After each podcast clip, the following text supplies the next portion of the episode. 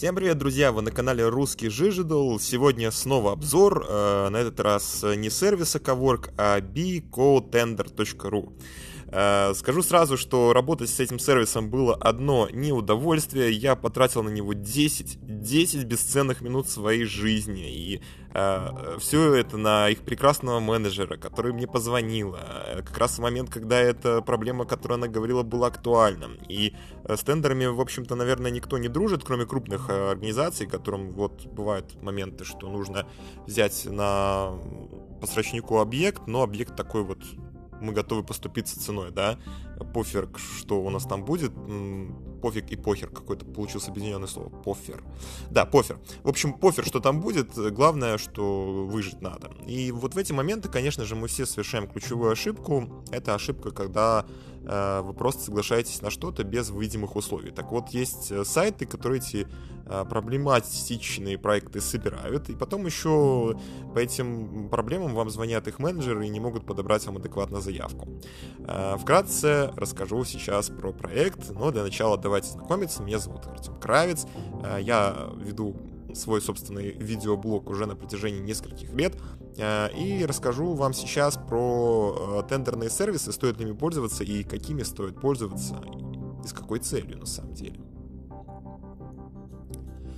А, вопрос тендеров возник у меня в процессе работы с B2B сектором, когда нужно было выйти на зарубежного заказчика. Наверное, никакого другого варианта на тот момент не было. Был текущий небольшой клиент у компании, которому она сильно не рассказывала, а мне предложили продать услугу на зарубежный рынок, на аутсорс. А, задача показалась интересной, когда-то вот э, была она в голове, но потом я ушел в вооруженные силы и э, как-то вот не успел завершить эту мысль как бы с теорией продаж решил вернуться к ней, когда по основному клиенту с вполне такими адекватными вроде бы запросами возникло предложение поработать по а, рынку конструкции. Конструкции металлических, конструкций деревянных, конструкций алюминиевых. Они делать хотели объекты по КМД, и э, я начал искать активно по зарубежке, у них был рынок, и нашел я такие пару сайтов, на которых можно разместиться, увидел там условия, радостно побежал к ним созваниваться со всеми этими прекрасными индийскими девушками, которые тебе отвечают на вопрос э, What, what do you say? I can't understand, mister. Вот, и sir.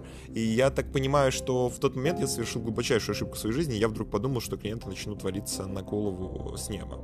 И что даже если заплачу этому сайту, я смогу получить э, какое-то ограниченное количество заявок. Конечно, я не был так наивен, но э, так и не, не, на свою голову, слава богу, не нашел, так скажем, этих самых клиентов через эти сайты и объекты, которые они хотели там построить у себя за рубежом, а мы должны были их спроектировать как организация. А почему это произошло, к счастью? По той простой причине, что когда я начал рассматривать поближе э, тендеры, которые являются государственными. У них как бы сразу было ограничение. Мне просили искать частные тендеры, но их так было мало, что я такой, не, ребят, сорян, но вы со своим опытом на частные тендеры никак не пролезете, потому что нужно много всяких э, регулирующих вещей учитывать. Нужен там человек как бы на той стороне в продажах, нужен как бы еще и момент, э, связанный с э, множествами какими-то вот официальными э, регламентами, сертификатами, которые вы не успеете сделать, а вам нужно вот прямо сейчас к объекту подключиться, хотя бы к его части. И у вас такие узкие запросы, ну, в общем, как-то мы подумали, что ну его нафиг. А, короче говоря, мы как-то вот э, пришли к мысли, что да, будем работать через тендеры, тендеры, тендеры, тендеры. Я начал писать всем, уточнять какие-то вот важные моменты, э, какие-то уточнять вещи, связанные там с объектами, типами объектов, которые нас интересуют. Нам прислали кучу релевантных предложений, э, из которых реальных оказалось, ну, может, штуки две. Вот, но э, проблема оказалась на самом деле еще и в другом, что в процессе рассмотрения этих предложений они постепенно уходили, и возникал вопрос, а много ли таких предложений? Не получается ли так, что без контактных данных нам дали объект, который э, может быть один из тысячи? А, ну, оплатив подписку, мы просто получим контакт, а контакт этот не сработает, и, и мы, по сути, потратим деньги. Деньги довольно там большие запрашивают на этих тендерных сайтах для небольшой организации в нашей стране. Наша страна Беларусь, она очень скромная. Вот, поэтому мы все-таки от этой идеи в конце концов отказались, тем более, что огромное количество регламентирующих документов, которые нужно в процессе подачи заявки перевести, адаптировать их под э, стандарты зарубежные, то есть там, ну, надо подолбаться так конкретно, то есть вы можете, если на тендер зарубежный выход, ну, выходите, расход на маркетинг повесить, ну, такой приличный, то есть как бы, чтобы хотя бы э, каких-нибудь студентов Аньяза нанять на это дело и юристов тоже каких-нибудь беглых, тогда у вас все может получиться. Если у вас в компании есть имя, бренд, там к вам идут э, с толпами люди, которые готовы работать бесплатно несколько недель, то да, можете попробовать поработать с этой сферой. А мы как-то себе такое позволить не могли, у нас небольшая команда, небольшая компания, и мы заглушили эту идею месяца два назад, ну вот в мае месяц снова набрал э, так скажем, сайт. Э, каким-то дурским образом я случайно ставил свои контактные данные, и это касался сайта Bico Tender. Bico Tender, этот как бы он показался мне вполне адекватным, во всяком случае, менеджер на той стороне. Э, она так меня внимательно послушала, да-да-да, конечно, э, да, мы понимаем, что такое конструкции, вот, как бы, да, мы вам пришлем релевантные предложения. Я говорю, ну вот, да, ребята, если у вас есть релевантные предложения, э, пожалуйста, можете без всяких данных контактных найти вот эти самые частные небольшие заказики э, на территории хотя бы СНГ и нам кинуть. Нас тогда интересовал рынок Казахстана, мы что-то подумали, ну да, нам нужен рынок Казахстана. Она девушка говорит, хорошо, мы вас поняли. Говорит, ну все, тогда шлите коммерческое. Э, на что, собственно говоря, мне присылают э, общаковую ну, рассылку, написанную на коленке в, не знаю где, даже, наверное, не в Word, а в Microsoft там, приложении, которое отдельное, да, бесплатное, в какой-нибудь Mac OS. И э, если вот на него посмотреть, кажется, что человек меня не слушал вообще. Ну не это было самое страшное. Самое страшное, что я, естественно, ничего не на него не ответил, потому что спам закинул и забыл. А, через месяц мне пришло новое предложение. И, видимо, все-таки там кто-то из менеджеров прислушал разговор и решил такой, а, ну КМД, ну ча, сейчас я тут найду подходящую заявку. И, в общем, на этом прекрасном сайте Bico Tender э, я обнаружил Э, очередную, э, так сказать, с их стороны в своем почтовом ящике э, рассылку. И это было ужасно смешно. Они прислали заявку не на объекты промышленного строительства, а на вытачивание втулок каких-то там, в общем, производственные какие-то вещи. Вот. Хотя я вроде бы там 15 раз за разговор повторил, что мы занимаемся строительством объектов, а не изготовлением изделий. И что-то как-то, вот если честно, после этой истории я перестал доверять тендерным сайтам вообще. И хочу сейчас спросить у вас, может быть, среди вас, дорогие друзья, есть э, люди, которые воспользовались тендерными заявками в своей сфере. Может быть, вы заказывали какую-то оптовую производство деталей, ну, то есть хотели найти там заказчика на это дело, и вам этот сайт помог. Я знаю, есть такие истории.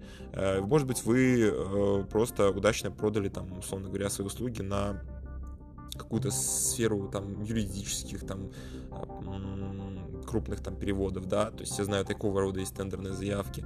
А, может быть, вы действительно строили по тендеру объект, и он принес вам деньги, либо репутацию, хотя в основном тендер это просто боль, все говорят, что тендер это боль, но все на них рано или поздно выходят, а, потому что нужны клиенты, заказчики, репутация, слава. В общем, а, какой бы вы сфере ни были, меня интересует ваше мнение, ваше предложение, ваши идеи, ну, а про Contender я уже все рассказал, в принципе, это абсолютно бесполезно в своей сфере сайт, и никому его не рекомендую. Ребята, больше не рассылайте мне, пожалуйста, спам. На этом было как бы все, э, казалось бы. Но было бы глупо рассказать просто и пожаловаться о чем-то и не дать вам рекомендации при работе с тендерами, потому что все же есть успешные кейсы. И первый кейс, который я вам хочу дать, если вы ходите на зарубежный рынок, начните, пожалуйста, с государственных регуляторов, как это ни странно. Э, уточните, в какой стране вы находитесь, э, какие сертификаты вам требуются, какие есть правила, нормы. Э, на самом деле зачастую они не отличаются от наших. Все что происходит в хорошей как бы, стране, у которой государственное регулирование ну, не как в Лондоне, а как бы ну, в какой-нибудь Новой Зеландии, либо там в близлежащих странах, там вроде Германии, и там все официально прописано, сказано, и вот еще скандинавские страны очень хорошо прописывают условия. Если вы найдете сайт государственного регулятора в вашей сфере, вы там все абсолютно все вещи там обнаружите, то уже можете спокойно, разобравшись со всем этим, шагать на тендер э, и любую тендерную площадку изучать э, более-менее подробно. Если вы не заработали с рынком хотя бы на уровне государственных регуляторов, то все эти ваши прекрасные рассказы знакомых и друзей про то, как классно там легко оказаться, это все полная блажь чушь. Э, уже пользуйтесь тогда сарафанкой, запускайте туда какого-нибудь э, человека или агентства, и пускай они работают, там ищут там клиентов э, именно по сарафанке, по вашему проекту, либо по вашему портфолио, кейсам, и, может быть, будет вам счастье. Ну, а так, тендеры, конечно, действительно, это очень сложная штука, процессуальная и требующая определенного набора людей в штат. С вами был Кравец. Надеюсь, у вас все будет хорошо. Целую. Чмоки.